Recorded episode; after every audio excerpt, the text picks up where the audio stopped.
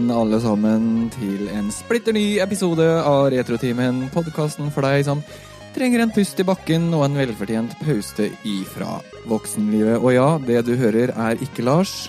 Eller oi, nei, det du hører er ikke Lars. Det du hører er Anders Im Rusten her sør i ja, i Halden, faktisk. Um, vi har uh, hatt en lang og uh, varm samtale, kan man si. For det vi fant ut, var at vi trengte mer søringer i retrotimen, så i dag skal jeg lose dere gjennom en liten time med masse eh, retroprat og, og deilige eh, eh, minner. Eh, vi har masse bra vi skal prate om i dag. Vi har eh, et spill som blir eh, kanskje omtalt som et kultspill, og spørsmålet er er det egentlig det i dag. Og så skal vi snakke om en film som eh, vi faktisk begynte å lure på om vi hadde tatt noe syre før vi begynte å se. Eh, og så eh, har vi ikke med oss Otto i dag, dessverre. for dere som falt av lasset allerede, så, så er ikke Otto med, og han kommer sikkert ikke til å bli med heller. han er ute og, og sår gress sier vi at han er. Vi har to stykker, to vakre vakre, deilige mannfolk fra nord som er med oss. Vi har Bamsebjørn. Lars, er du her? Hei, hei. Hei. Og så har vi den lange kjekkasen eh, Rasmus. Hei. Ja, god dagen. Jeg var spent på hvilken introduksjon jeg fikk. Nei, vet du hva, jeg vurderte rasseren, men jeg tenkte jeg får la være. ah, nei, men jeg kan leve med litt rasseren, altså. Ja, nå fikk jeg jo faktisk uh, skvisa det inn allikevel. Ja, det gjorde det. Ja. Mm. Uh, nei, Otto kunne ikke være med. Han er jo bonde, så det, det skjer jo mye i disse våronnatider. Ja, han har skaffa seg baljevoks, som han sitter og lurer på om han skal bruke hele boksen sjøl, eller om han skal gi den bort i en konkurranse. ja. Jeg syns, uh, etter det bildet jeg så sist, så syns jeg faktisk han trenger den sjøl.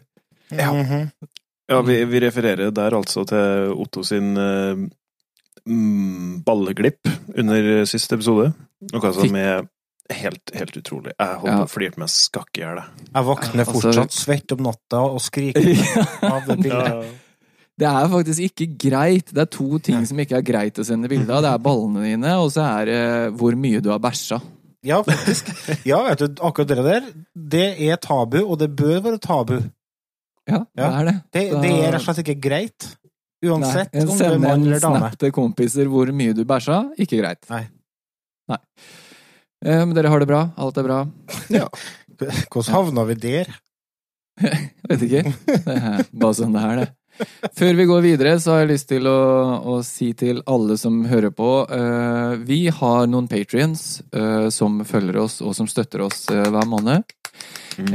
en liten klapp til dere. Og i det siste har vi fått en ny en. Knut Harald Svane, velkommen. Tusen takk for bidraget. Woho! Yes, velkommen. Ja, og så har vi Kristoffer Getto Boys Hansen Leistad. Han har oppgradert sin tier, så han har oppgradert til eh, x antall eh, dollar i måneden. Eh, og, men det som er, han får da lov til å velge et tema som vi skal snakke om. Mm -hmm.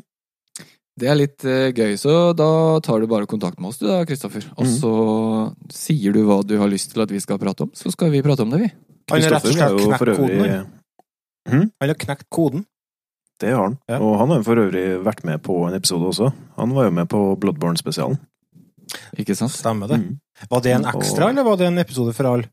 Eh, det var en ekstra, litt sånn spesialepisode, men den ble vel gitt ut til alle, ja. ja. Jeg tror den ble gitt ut til alle, ja. Eh, den, det tok så mye Det var litt mye jobb å lage en, så jeg tenkte det her, dette må ut til folket. Det må ut til massene, det er helt klart. Men det var litt interessant at du nevnte det med patrons, da, siden uh, takket være våre kjære patrons, så har vi nå silkemyke fløyelsstemmer som kommer inn i ørekanalene deres. Mm. Ja, forhåpentligvis i hvert fall, hvis oppsettet vårt er eh, så bra som det vi tror. Hvis ikke jeg mm. fucker til skikkelig i miksen, da. Det kan jo skje, det òg. Mm.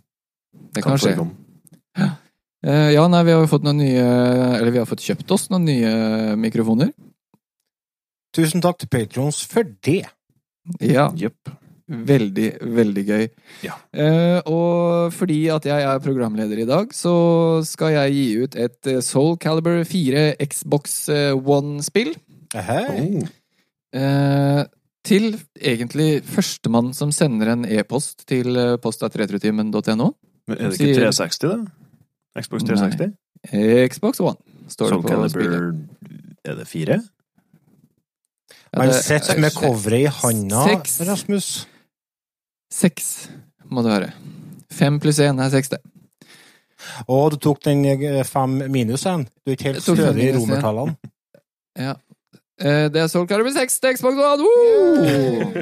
Til førstemann som skriver 'Jeg har veldig lyst på Soul Calibur 6 Mm. til Xbox One'. Og hvis du ikke klarer å skrive Soul Caliber, så kan du bare skrive få. Mm. Ja, få det. Mm. Eh, Alt er tillatt. Jeg gir det bort til hvem som helst. Jeg skal bare få det. Vær så god. Og det Det gleder er jeg meg post, post at retrotimen.no. Post at retrotimen.no. Det skal dere få til. Ja. Vi har vel gjort litt greier siden sist, så jeg tenker at vi bare stuper ut i det. Så jeg vurderer om jeg skal krysse inn pandaen. Det her blir jo ikke bra. Så Jeg ble kontakta av en bekjent, og han hadde 160-170 laserdiskplater. Hva heter det? Tvangsjakke? Eller tvangsgenser? Jeg husker ikke hva det heter. tvangstrøye. Tvangstrøye! Tvangsgenser? Hva har du gjort siden sist? Eh, Rasmus, jeg er kjempenysgjerrig på hva du har gjort siden sist. Fort, kjapt, enkelt, greit, søtt. Oh, ja, eh, jeg har sett mye krim. Den ene krimmen fortsetter å være krim fra episode én til siste episode, mens den andre en spinna ut til å bli en eh, skrekkserie. Sci-fi, egentlig. Og da snakker jeg først og fremst om Bosch sesong seks, med Titus Welliver, som er en Ok. Sinnssykt, sinnssykt god serie som eh, jeg har sett eh, Det er litt sånn vårtradisjon, da. Når eh, Bosch sesong, ny, nye sesong av Bosch kommer på HBO, så er det, da er det vår. Og det er, det er en veldig fin stemning i det. Sånn jazz-vibe. Så den kan jeg anbefale. Og den andre Ok. var The Outsider, som Ah. er en lang og seig krim med noe mord og noe fæle greier som ja, får en liten sånn overnaturlig twist på slutten. da. Den ble jeg ferdig med i dag. Den var, Er den bra? vel, ja, var veldig bra. Eh, Du må ikke ha det travelt, da. Den Nei. går tregt. Jeg begynte å Vi har sett én episode, men har liksom ikke kommet, det har kommet så mye annet i veien, så jeg har ikke rukket å sett noe Ja. mer ennå. Ja, den, den er seig. Den er veldig, veldig seig, men den er godt laga. Ellers så har jeg en siste ting, og det er det at jeg har eh, lånt noen Guitar Hero-kontroller av, av en kollega av meg. Og Guitar Hero blir aldri feil, altså. det blir ikke Jeg var litt av den oppfatninga at jeg hadde lagt fra meg det for godt. Det viste seg at det hadde jeg ikke gjort. Jeg storkoser meg. Ja, Det er på? så artig. Og det er det som er det beste som finnes med det, er at man faktisk har uh, replayability, som det heter. Mhm. Lars, Hei! ha, har du bobla i det siste, eller? Nei, vet du, jeg har ikke bobla. Eh, Har ikke det? Nei, jeg har faktisk tatt ut vannet av eh, bolbadet fordi at eh, vi skal male huset. Åh, Og så jeg må liksom ta bort alt eh, som var stas. Og så nå er jo selvfølgelig meldt regn i hele uke, da, så det blir jo ikke noe boblebad før senest eh, over neste helg. Åh. Men eh, sånn er jo det. Jeg har, eh, jeg satt og kikka litt på spillhistorie.no, forresten. Eh, en eh, kjempebra nettside hvis du ønsker alt av små og store spillnyheter i Norge og verden. Spillhistorie.no. Eh, De har skrevet en liten sak om at det fiktive arkadespillet fra 1982, nemlig Fixit Felix Jr., har kommet ut på Commodore 64. uh, Fixit Felix Jr. er jo da kjent ifra Disney-filmen Rive-Rolf, Wreck-It Ralph. Åh, den er så Mhm. bra. Ja, den er kjempebra. Og når jeg så den filmen, så trodde jeg faktisk at dette var et eh, ordentlig spill. Mm. Så jeg drev og lette etter Mame-rommen, da. Og nei, jeg hadde ikke sjans, vet du. Jeg fant ikke noen plass. og Til slutt så bare ga jeg opp, og så snubla jeg som sagt over den her eh, for et par dager siden, og lasta ned det. For det, hvis dere vil sjekke ut det, så er det, går dere på itch.io. Og da kan du velge om du betaler penger for det, eller om du laster ned gratis. Alle pengene går ifølge utviklerne direkte til veldedig formål, Unicef. kan du velge beløp, kan du ikke det? Jo, Det kan du gjøre. Da anbefaler jeg å gi et lite, en liten slant. Ja. Så du kan få høre en liten, liten lydsnutt ifra den. Ja. I'm gonna wreck it!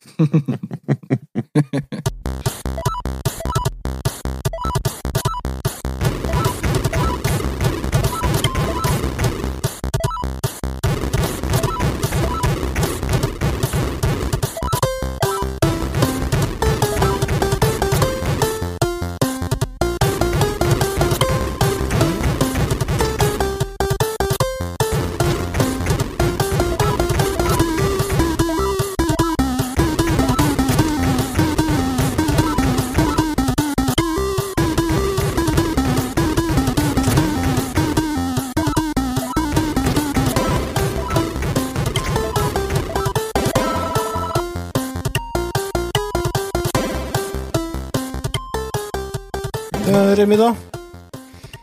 Vet du hva, Remi har gjort mye den siste uka, altså. Eh, det må jeg bare si. Eh, jeg har bobla masse. Mm, herlig.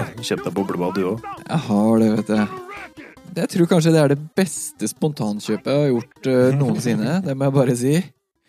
Herregud, så deilig. altså Det er bare å blåse opp den, eh, det badekaret, fylle det med vann, la det stå over natta så det blir sånn ja, 39-40 grader, og så sette seg oppi der sånn og boble rundt. Det er, eh, det var, det er helt fantastisk.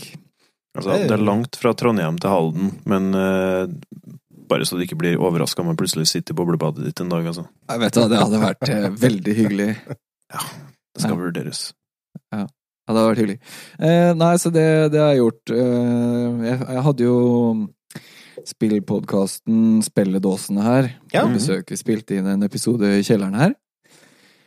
Det var veldig, veldig hyggelig. Det ble en eh, morsom eh, episode, så hvis dere vil høre meg eh, i Dems uh, podkast, så går det bare og søker opp Spelledåsene, så får du opp eh, eh, episoden jeg var med på. Mm. Eh, og når de kom, da hadde jo jeg fått eh, bassenget. Da sto jo det ute på plattingen her. Mm. Mm. Så jeg hadde jo egentlig ikke noe tid til å spille inn noe podkast med dem. Jeg skulle jo ha boblebadet på plass. Men eh, nei, vet du hva, det, det, har, det, det var en kjempe kjempegod investering. Det er jo korona, og det er jo dritmøkk. Alt blir jo stengt og utsatt og, og sånn, så da tenkte jeg Shit, au, jeg og jentungen, vi kan eh, ha det bassenget, og så kan vi kose oss med det nå i sommer. Mm -hmm. Det er ikke så veldig mye annet som skjer, så eh, fleska til og kjøpte et, et deilig basseng. Herlig. Ja, og etter at spilledåsen hadde vært der sånn, så da ble jeg jo kjempegira på nytt utstyr. Så jeg kjørte av gårde herfra i Halden til Ski. Det er en time og ti minutter kjøring Mm. vei. For å kjøpe en mikrofon til meg og en mikrofon til Otto, som jeg da har sendt oppover. Eh, Dere to har jo fått tak i deres. Otto har ikke fått sin helt ennå. Han får vel sikkert sin i morgen, tenker jeg. Mm. Så neste episode, da er vi fulltallige med nytt utstyr, eh, og vet du, hva, det skal bli kjempegøy. For første gang på fem år så sitter alle eh, med samme mikrofon. Mm. Ja. Det er kanskje litt sånn smalt tema for dere lytterne, men for oss så er det en gyllen mulighet til å få til best mulig lyd for dere. ja, og jeg har, øh, har jobba masse med å få så god lyd som mulig med den mikrofonen jeg har hatt. Jeg har hengt opp eh, tepper i taket og Remi har bygd seg hybel, han. Eggkartonger på vegg. Ja, Gud vet hva jeg har gjort for at dere skal få den best mulige lyden jeg har klart å levere, altså. Men eh, nå har vi tatt et steg opp. Vet du hva, det ble veldig kjedelig. Vi eh, hopper egentlig bare rett inn på ukens eh, spill, vi.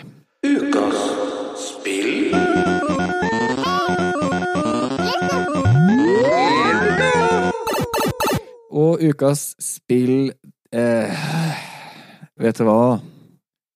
Det, det er et spill som eh, eh, Når det kom ut, så var det et kjempekult spill som eh, vi digga alle sammen i vennegjengen. Men nå sa jeg jeg neimen ikke helt sikker, altså. Og hvilke spill snakker vi om, eh, Rasmus?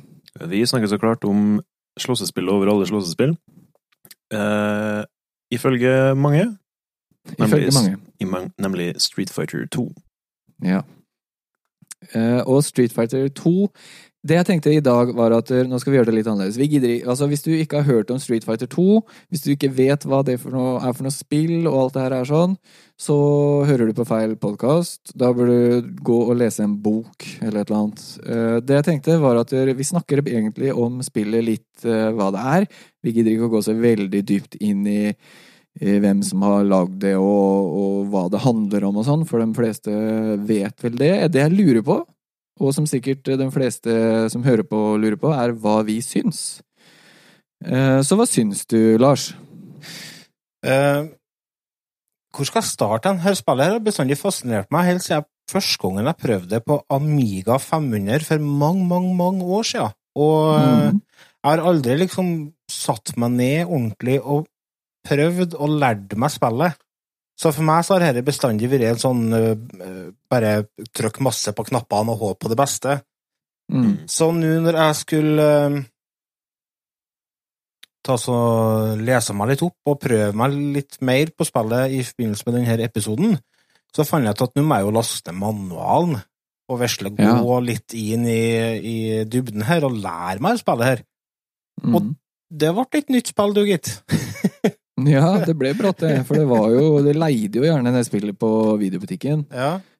Og ofte så fulgte jo ikke manualen med. Det var vel en sånn hvit lapp som var klistra på innsiden av coveret, hvor det kanskje sto noen sånne komboer, men uh, du trenger på en måte manualen.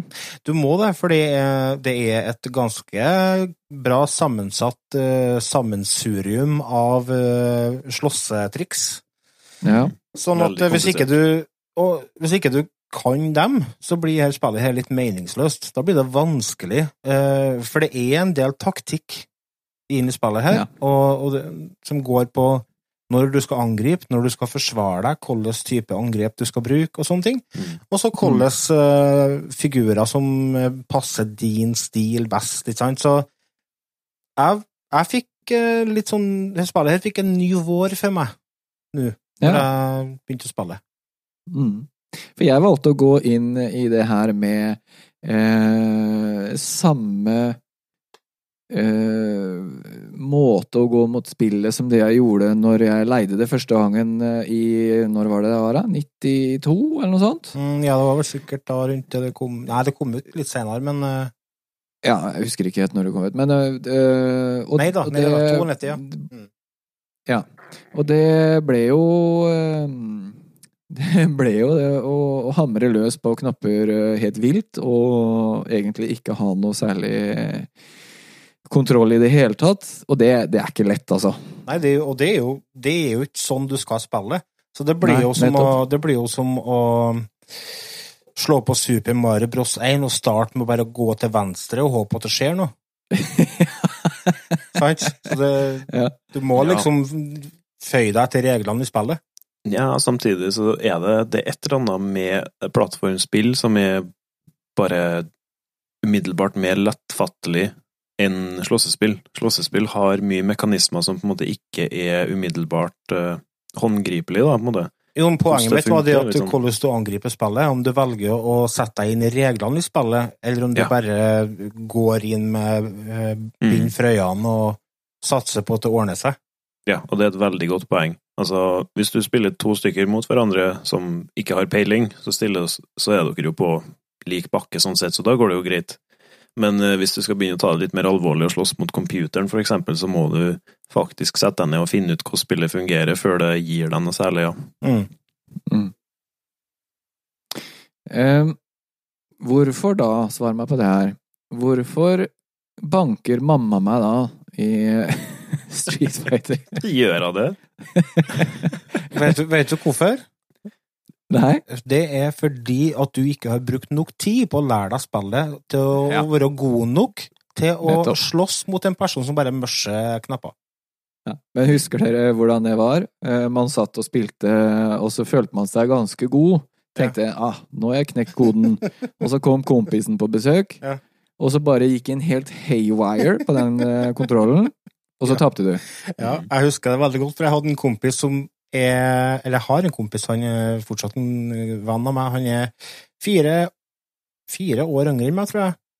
Og Mm. når jeg da var 13 år, og han var 9, så var det fryktelig kjipt å tape mot han i Street? Fighter 2. Ja. Så jeg vet er, hvordan det føles. Ja, Og det er det jeg mener, altså. Det er litt sånn uh, Mamma banka meg, Ja. eh, husker jeg, når vi spilte det her eh, Du, mye. Og det det kan jeg klippe ut og lage veldig artige ting med. Ja, ja, det kan du. Det kan du. Um, det Plutselig kommer de hjem og henter deg. Du får du ikke hjem til mamma lenger. Ja, det kan jo, man kan jo velge karakterer. Har dere noen sånne favorittkarakterer, eller? Vi kan jo gå gjennom karakterene, kanskje? Jeg endte opp med å velge Guile. Det er han amerikaneren med sånn uh, stå-opp-hår. Sånn uh, Ja. Det sånn håret, Air, Air Force. det håret Special. kommer ikke til å dette ned noensinne. Nei, Det er ikke Nei, nei. Han kammer jo mellom hver runde. da. Mm. Ja, det gjør han faktisk. Og så drar hånda litt sånn sexy gjennom håret. Jeg spilte uh, Jeg prøvde Jeg gikk gjennom en runde med alle figurene. Og så satt jeg med Mm. manualen framme meg, så tok jeg de movesene. Og så, men så har jeg bestandig hatt en eh, forkjærlighet for en Ken. Ja. Så jeg tok han, da. Og, og brukte han, når ja. jeg drev og spilte. Men eh, første karakteren som du velger, kan velge, er jo han Ryu. Ja. Ja.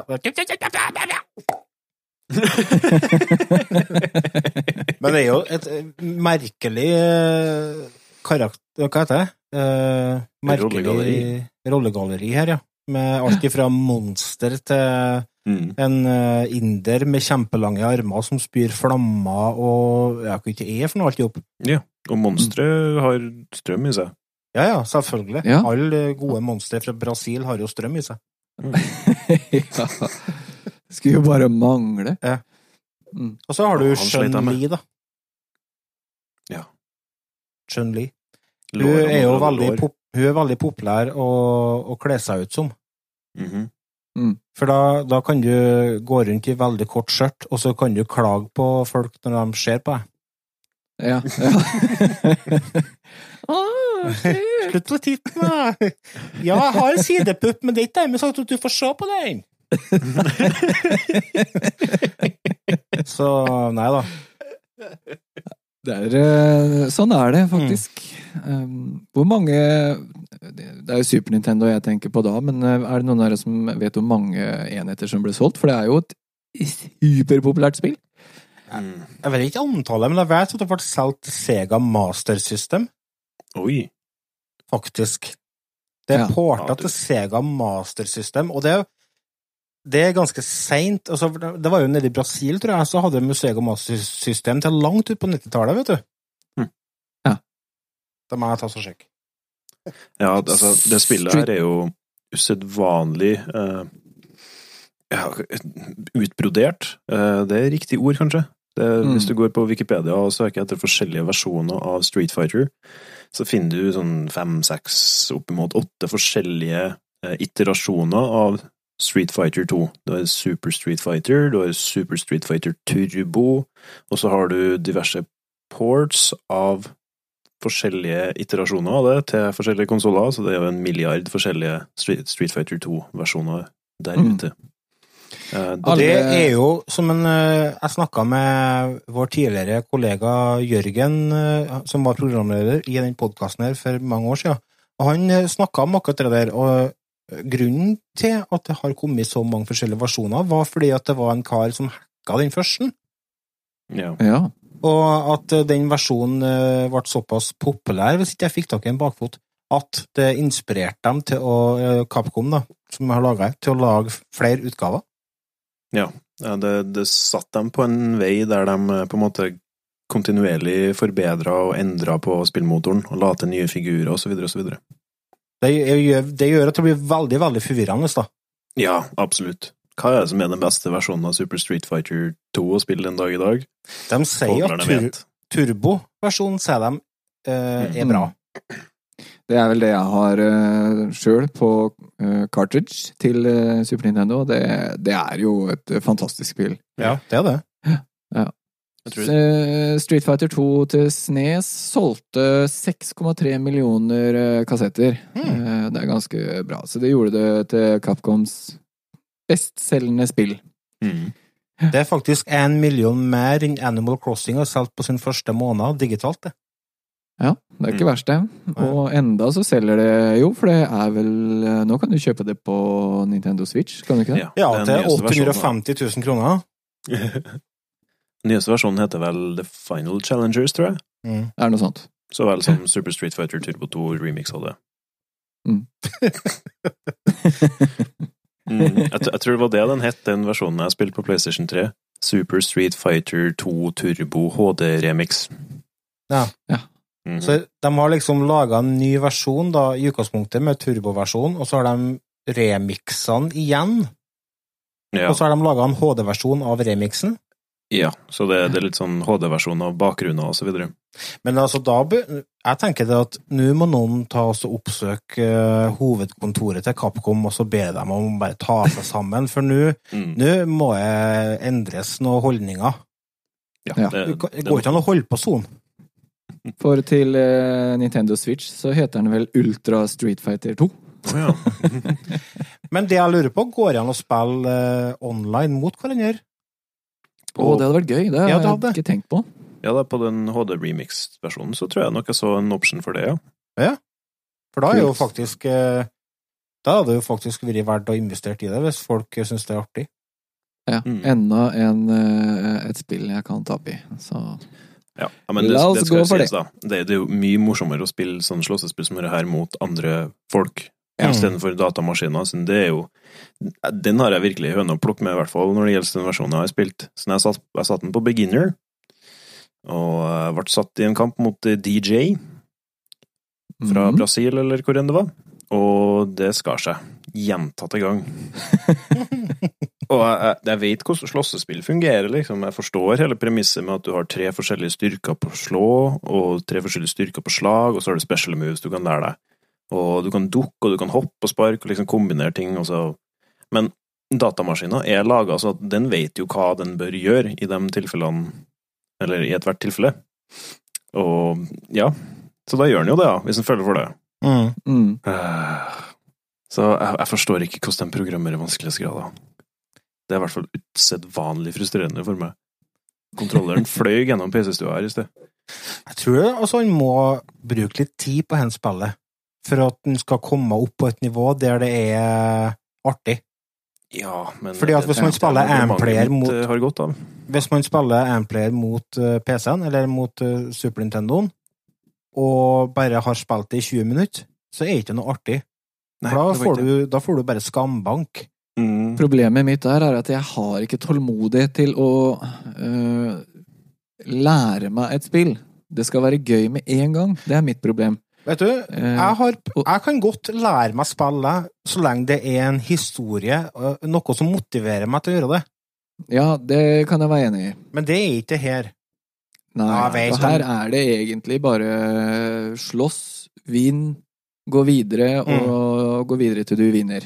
Og nå får vi sikkert masse sure e-poster om at jo, nei, det er en historie i Street Fighter Ja, 2. Nei, det Det er ikke det. er det vi Det er bare tull. Det er, ingen som Ingen som Ingen, faktisk, som spiller Street Fighter 2, som bryr seg om den storyen. Det er ingen, det. Kanskje du, Håkon Puntervold. Ja. Jeg tenker på deg når jeg tenker på Street Fighter 2. Håkon Ja, det er Puntervold er en gammel patron av oss og kompis som har vært Ja. og arrangert konkurranser i Street Fighter 2. Bare så dere vet om det, så ikke skal bli for internt. Men han, Mm. eh, han er en sånn type som bryr seg om historien i Street Fighter 2. Jeg, var, jeg var nesten forberedt på at han kom til å være med på episoden her. Ja, litt sånn. Ja, det Det er er, sånn, det er nesten så jeg føler meg litt uh, skitten for, eh, for at vi ikke inviterte den. Ja, litt. Uh, og så gikk det over. Ja. Uh, De har jo forresten en egen podkast som dere kan sjekke ut, kjære lyttere, som heter For spill. ja. Hvis dere søker på SPæLL i din podkast-app, eller Spotify kanskje de er jo, da har de Mm. nettopp laga en episode der de blant annet snakker om Street Fighter 2. Det gjør kan det. dere sjekke ut Det etter dere har hørt på denne episoden. Ja, du kan ikke avbryte nå. Nei, nei, nei. Eh, litt for å eh, vise at eh, Street Fighter egentlig er For det er jo et utrolig populært spill den dag i dag, det er ikke tvil om det. Og når eh, Super Street Fighter 2 Turbo HD Remix kom eh, Så jeg leser det her på engelsk, for jeg klarer ikke å oversette kjapt nok i hodet. Da sto det Super Street Fighter 2 Turbo HD Remix broke both the first day and first week sales records for a download-only game. Mm. Street Fighter 2 has sold 15.5 million units across all versions and platforms, making it the best-selling fight game up until it was surpassed by Super Smash Bros. Ultimate in 2019. Det er, Eh, så det er fortsatt et populært spill, det er ikke tvil om det. Og det er det jo altså, veldig jeg, høyt om uh, Smash Brothers Ultimate òg, da. Det har jeg Ja, faktisk ikke prøvd engang. jeg tror det ligger Jeg tror det er Hvis jeg har forstått det rett, så er det et ganske stort konkurransemiljø rundt denne serien. Street Fighter, Ja. ja. Ja, Ja, ja. Som er med og Ja. drar opp salg, og som gjør at det bestandig er greit å gi ut et Street Fighter 2-spill. Mm. For det er bestandig en haug med folk som hiver seg over og ønsker å, å se om eh, de kan bli enda flinkere i den versjonen enn de 19 andre versjonene. Men det jeg lurer på nå da, gutter, vi bare hopper videre, vi, og det jeg lurer på er, er Holder det seg? Ja, Syns dere det er eh, verdt å betale for det den dag i dag? vet du, hvis du skal kjøpe en spiller hjem på Super Nintendo, så koster det ikke mange kronene. Eh, Så eh, Og spillet er absolutt eh, et spill som er artig å spille i dag, hvis du liker sjangeren. Så ut ifra nåtidens eh, ståsted, så er det verdt å kjøpe. Og spillhistorisk sett, så er det et viktig spill. Det er et spill som satte i gang hele den 2D-fighting-sjangeren som var veldig populær på 90-tallet. Så sånn sett så er det et artig spill å ha i samlinga di. Så for min del så er det spillet her absolutt verdt å ha, og jeg gir det en solid M. Jeg er glad i musikken, jeg er glad i karakterene, øh, grafikken jeg, Som sagt, det spillet har fått en ny vår til meg, altså. Ja. Fantastisk. Rasmus? Ja, nei, jeg driver og krangler litt med meg sjøl med tanke på at eh, jeg er enig med Lars, og jeg ser på en måte også eh, innvirkninga det spillet her har hatt. Og jeg har jo ikke noe problem med det. Jeg bare skulle virkelig ønske at jeg hadde en bedre opplevelse med det enn det jeg hadde med den versjonen jeg kjøpte på PlayStation 3.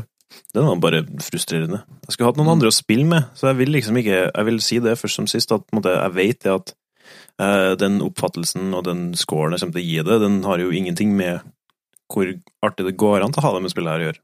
Eller hvor bra det egentlig er.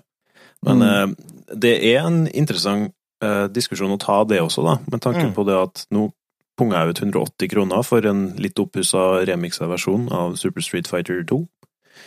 Og hmm, ja Arcade mode og sånn der, det er ikke så interessant, syns ikke jeg, rett og slett. Men er det Capcom sin feil at vi har korona, da? Og at du ikke kan ha besøk hjem?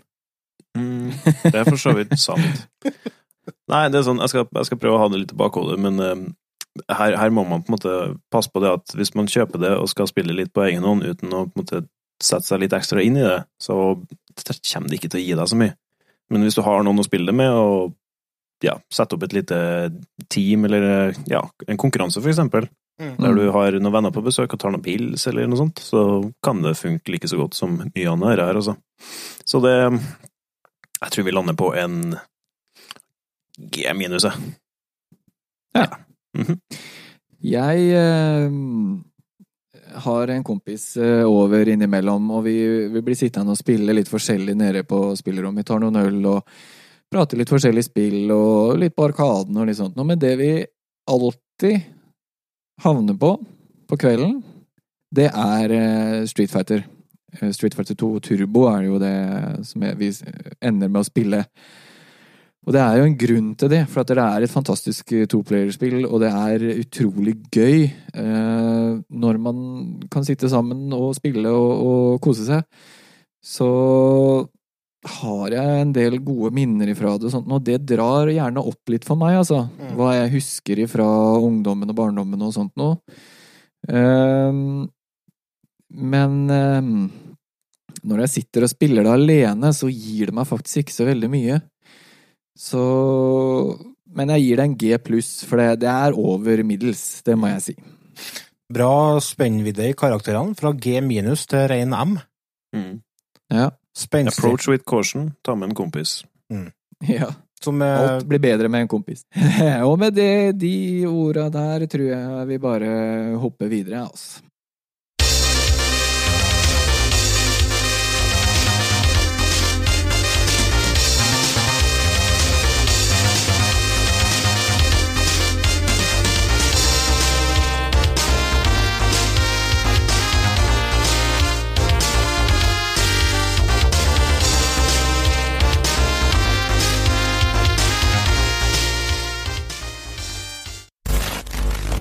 These count to 11. But they'll never take our freedom! Ezekiel 25. You're gonna need a bigger boat. Nobody puts baby in a corner. Make my day. I'll be back. Yo, Adrian! I did it!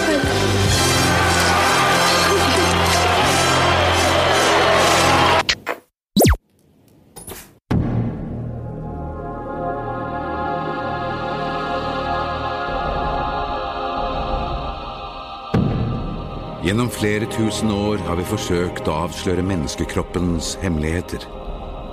Vi har tegnet plansjer, vi har skrevet avhandlinger, men vi har aldri opplevd denne mystiske verden med egne øyne. Før nå.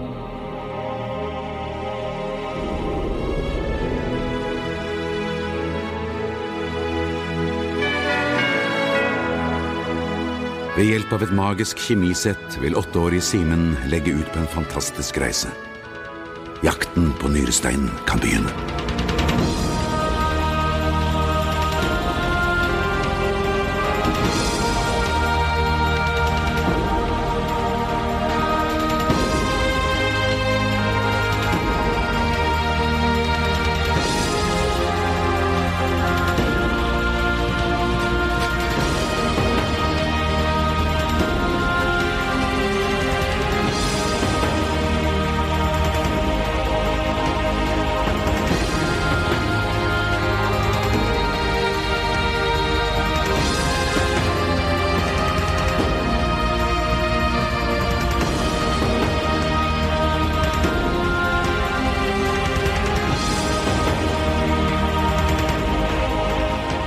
Jakten på nyresteinen, den mest fantastiske norske film som noensinne er laget.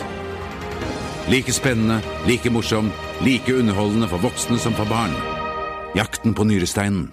På kino over hele landet fra 4. oktober. I 1994 så ble det utgitt en bok med samme tittel av filmen, som kom ut eh, knappe to år senere, i 1996. Og det er eh, Body Troopers.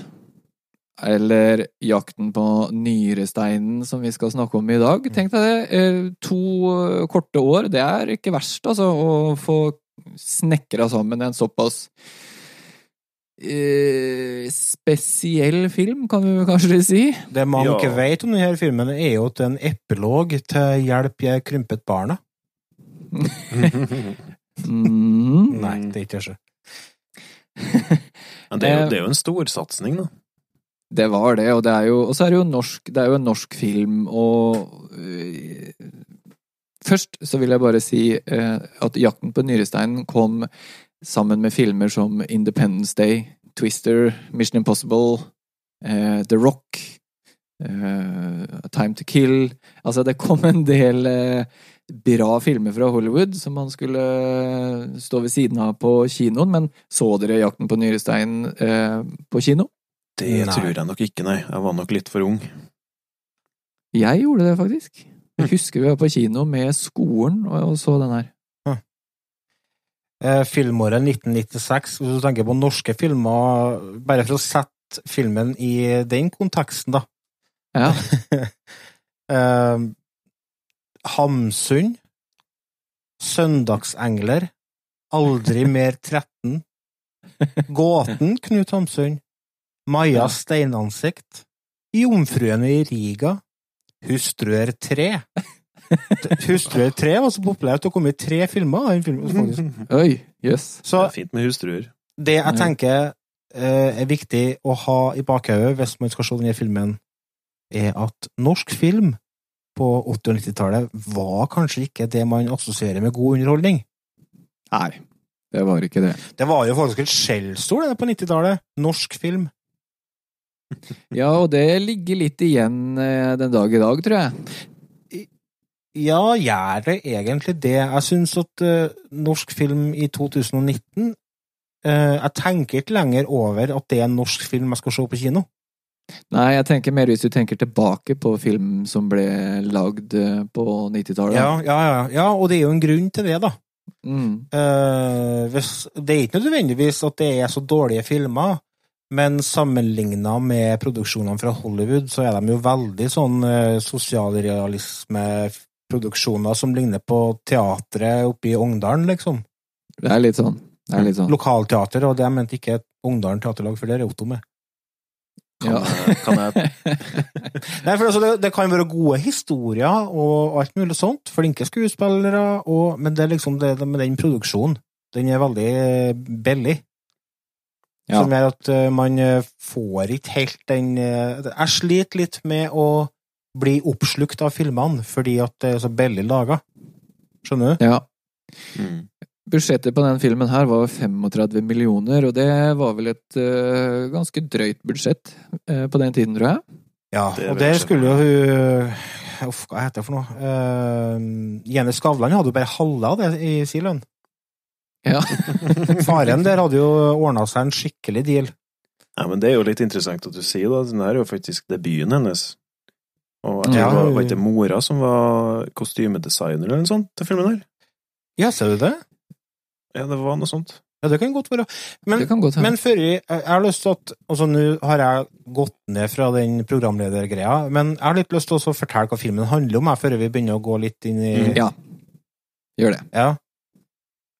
Det handler om en åtteåring som blir forminska ved hjelp av en magisk teddybjørn og reiser inn i bestefaren sin syke kropp på jakt etter nyrestein som gir ham smerter. Ja. Det er Så altså enkelt kort, var det. Kort oppsummert.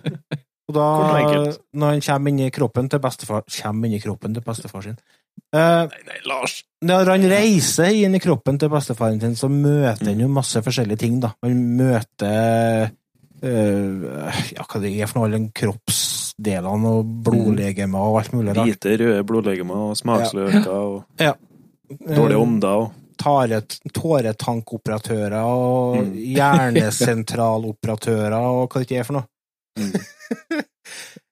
Så det er en veldig, veldig, veldig spesiell film. Veldig spesiell film, men jeg må, jeg må bare si at jeg syns i dag så fungerte den bedre enn da jeg så den på kino første gangen. Eh, Jeg har nok kanskje noe med alder å gjøre. Ja, for det er jo en sånn typisk barnefilm, så hvorfor i all verden var du på kino og så den i 1996? Var ikke du 15 da? For, ja, 15-16 år, men eh, ja, nei, jeg vet ikke. Det var vel Det var vel sikkert en eh, liten begivenhet, vil jeg se for meg. Ja, kanskje det var det. Ja, ja, ja. Jeg, jeg har lyst til å ta dere med tilbake til når jeg gikk på barneskolen. ja få høre. Eh, rett ved siden av eh, barneskolen så hadde vi da en eh, Rimi, eh, Rest in Peace, og der hadde de også en videotime ved siden av. Og plutselig en dag så kom jeg inn døra der, og så Jeg mener å huske at det var en konkurranse med sånn Gratulerer, du er den hundrende kunden som kommer inn døra her i dag. Og så kommer de med noen sånne presanger og greier, inkludert en svær matboks, som var på en måte stempla ut og lakkert i Jakten på nyrestein-tema. Oi! Og inni der så var? Jakten på nyrestein på VHS. Var det du som Kult. vant det? Mm? Var det du som vant det? Ja. Å, så kult. Ja, så det jeg er hadde kult. Jakten på nyrestein VHS. Og jeg tror kanskje det var på en måte startskuddet jeg trengte. Altså, den filmen her er en milepæl fra eller hva, En grunnpilar er vel egentlig ordet jeg er på jakt etter, for mm. barndommen min. Og jeg har sett den her så sinnssykt mange ganger. Så det var usedvanlig artig å se den igjen nå. Men hva, var det som, eh, hva var det som fenga deg så voldsomt med denne filmen når du var unge? Husker du det? Ja, det er et veldig godt spørsmål, men jeg tror det er kostymedesignet.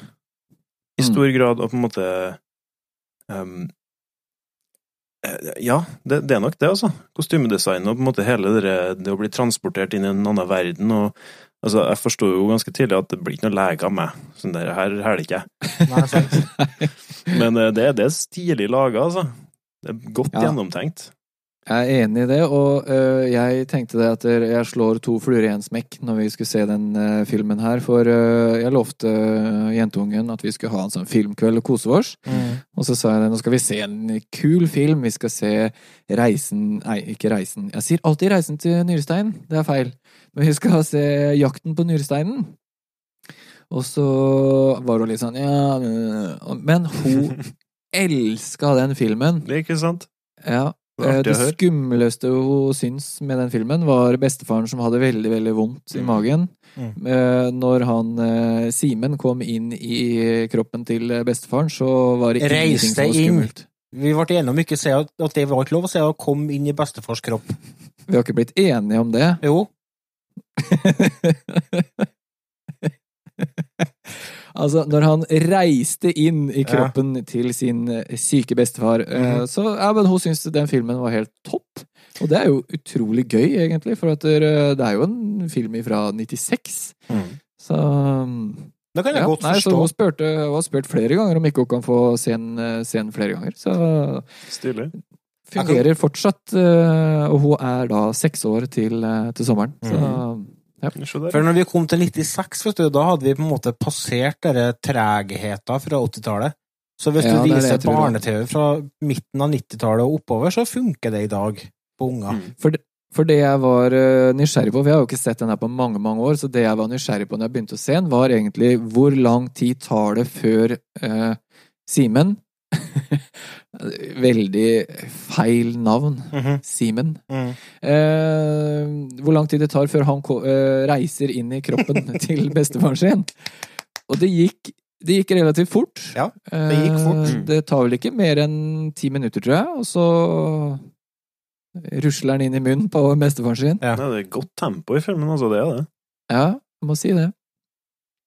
Um, Men eh, en annen ting med filmen her er jo eh, persongalleriet. Eller Ja. ikke persongalleriet, men uh, alle skuespillerne som er med.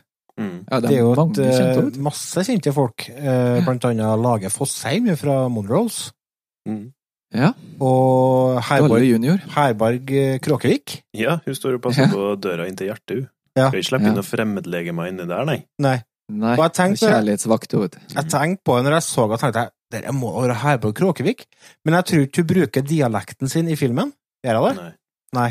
Så jeg ble litt sånn usikker, og så var jeg jo veldig ung der, da, så jeg kjente ikke igjen da, men jo, jeg fant ut at det måtte være hun, da. Mm.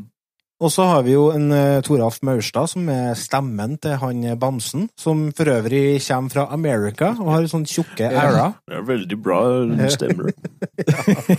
Du finner fram det magiske stabilsettet, Simen. Ja. Det krymper kroppen din og sender deg inn i messefar. Ja. Og så har vi en Harald Eia, han er jo tåretankoperatør. Mm. Ja. Og ja, hvem flere? Jenny Skavlan, eh, Kjersti Holmen er med. Ja. Eh, og Skal jeg så fortelle noe jeg har gjort, Mm. som ikke dere vet? Du har snakka med Kjersti Holmen? Nei, men jeg har prøvd å få tak i Jenny Skavlan. Ah, ja. Uh. For å få en eh, liten kommentar fra Jenny eh, hvordan eh, hun opplevde det på, mm, på settet. Ja. Eh, eh, og, og lurer på om hun var villig til å svare på kanskje hva det beste minnet hennes fra innspilling, og kanskje det verste minnet. Eh, har ikke fått noe svar. Hun sitter bak deg der. Hva sa du? Hun sitter jo bak deg. Dæven steike! Heia di! Her bare ble krympet, så du ser den ikke. Nei, hun er krympet og sitter på kjøkkenbordet. Og så bare Q innkløpp av et gammelt intervju med Jenny Skavlan. Og så later vi som Ja. at Jenny Skavlan er i Retrotimen. Ja, det har vært veldig bra. Men det er litt sånn at jeg, jeg håper jo fortsatt på svar da, fra Jenny, så hvis, hvis Jenny svarer, Mhm. så, så skal jeg ta det i, i en senere episode. Da er ikke Jenny Hauge. Jenny Skavlan, du mener jo? Ja, det er Jenny Skavlan, ja. Ja. Jeg, lik, jeg liker det at jeg har, jeg har da tydeligvis, når jeg så den filmen her igjen nå, og skjønt at dæsken, det er jo Jenny, jo. Da Ja. ble det litt sånn ah, Søren, der har jeg vært forelska i hun i to forskjellige situasjoner. Ja. Jeg tror hun eh, ikke er helt enkel å få tak i, Rasmus. Nei, det vil jeg nå se for meg, men altså Jeg, Jeg sier ikke at du ikke skal prøve. Når jeg så henne når jeg var liten, så var hun veldig søt, og når jeg så henne igjen i Død snø, så var hun også veldig søt. Jeg, kom, jeg kjente ikke igjen henne først, jeg. Nei, Nei, det tok meg litt tid, faktisk, Mm. eh, og jeg måtte faktisk eh, google om det var Jenny Skavlan. Jeg syns det ligna, men så var jeg litt usikker. Men det var jo selvfølgelig det. Du ser jo på øynene etter Alveola hvert. da. Ja. Mm. Og så er det jo de to andre som er mye lammen eh, lamme A, Er jo Ben- Karta, Benjamin. Benjamin Helstad, og en Ja. Simen, da, som er Torbjørn T. Jansen. Ja. Ukjente Eh, Benjamin. Helstad har jo fortsatt eh, Fortsatt skuespilleryrket sitt, men eh, Torbjørn Jensen var vel første og siste gang han var på på The Silver Screen. Men jeg tror ikke han godeste Benjamin Helstad har gjort så fryktelig mye etterpå, eller har han det? Han er vel fortsatt en skuespiller, er han ikke det? Jeg, jeg kjenner han fra, fra Yoga Fire, bandet.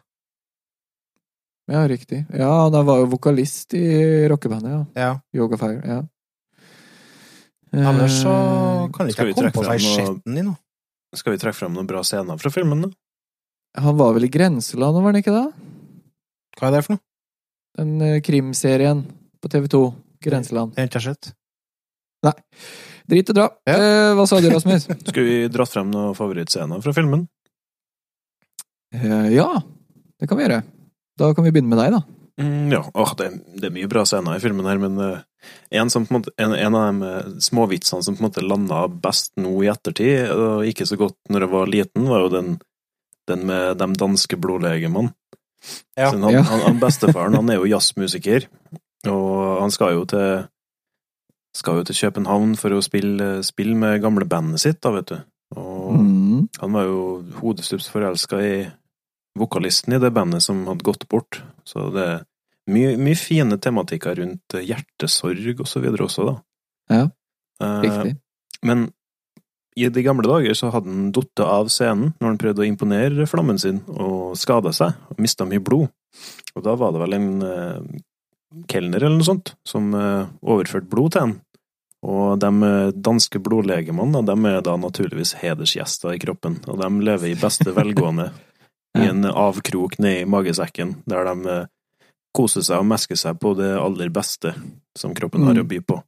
Og når de er innom der, så må de pent ta seg en knert og eh, ja, henge litt og ha litt jovialt lag. Åh, det er en veldig fin scene. Der kommer litt på «Er! Ja, Veldig bra. God stemning. Eh, Lars, har du noen favorittscene? Eh, jeg syns det var ganske fornøyd Hæ? Du er vel svak for hun fru Galle, sikkert? Nei, altså det jeg tenkte på, var den scenen der de bokstavelig talt eh, smører på med brei pensel nedi lungene. Ja. Jeg driver og maler, svartmaler lungene. Ja. Du, er Snakk om, å, altså. snakk om å gjøre oss hett for å få fram poenget. Mm. Røyk er farlig! Ja. Ja. Og det er faktisk Det var det jeg skulle si om, men det var eh, når, eh, når eh, Simen møter Alviola for første gangen. Da er jo hun i lunga. Mm, ja, stemmer det. Husk, hun Mhm. sitter og husker på en sånn svart, uh, guffen uh, grein. Det ser ut som en grein.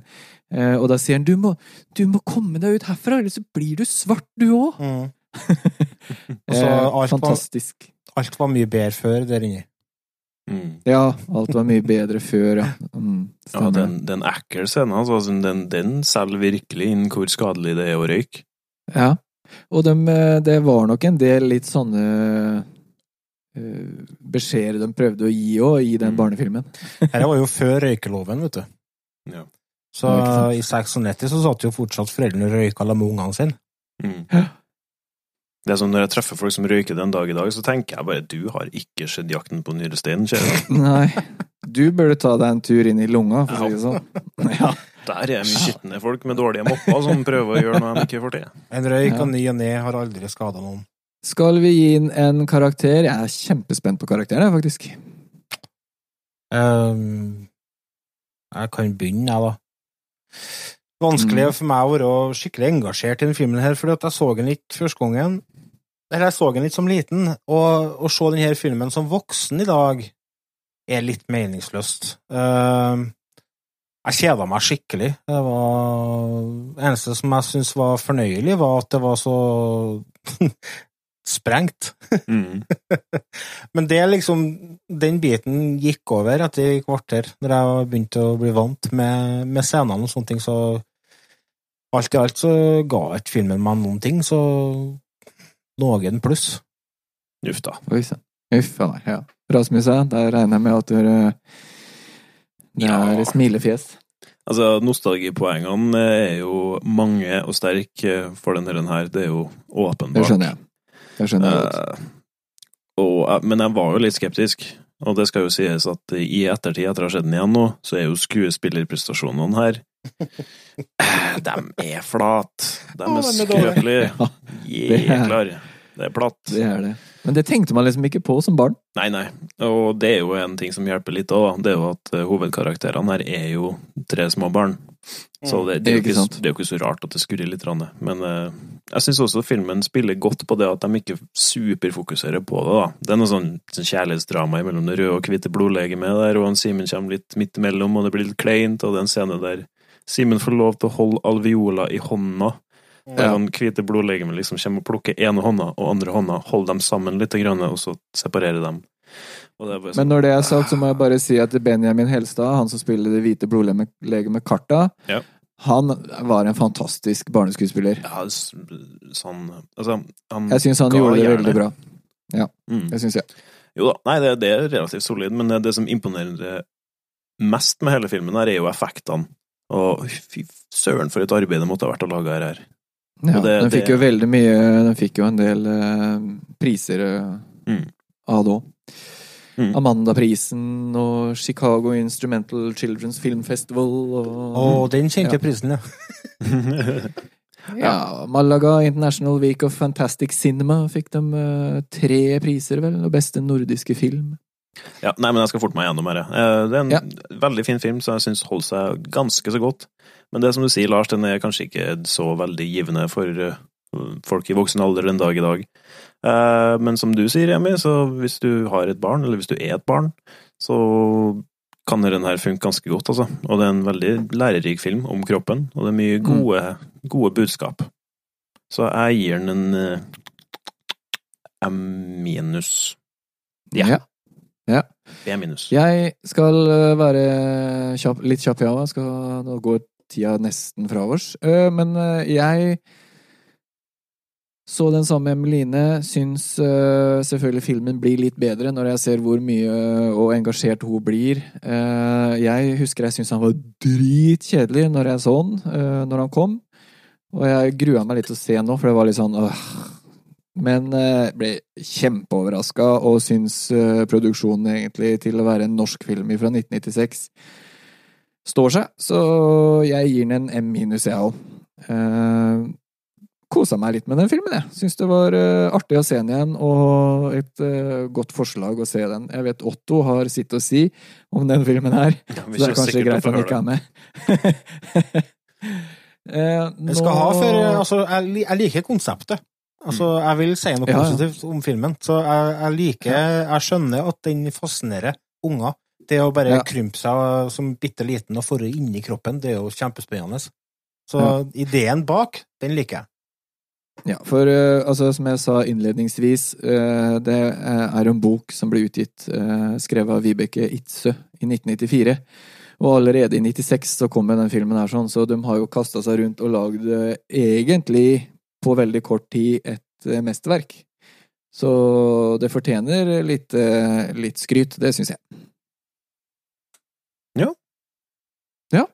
Eh, Og med de orda så lurer jeg på om vi skal runde av, gutter. Nå har det gått en time allerede. Mm. Takk for at dere var med oss nok en time. Det skjønner jeg jo, for det er jo ikke så veldig mye å finne på i, i dag. Og de ukene som kommer, blir vel eh, sikkert like kjedelig, så fortsett å følge oss. Gå inn på patrion.com, gi oss en liten slant der hvis dere vil. Gå gjerne også inn på Facebook. eh, Søk opp Retrotimen der, og bli med på det gode lag der òg.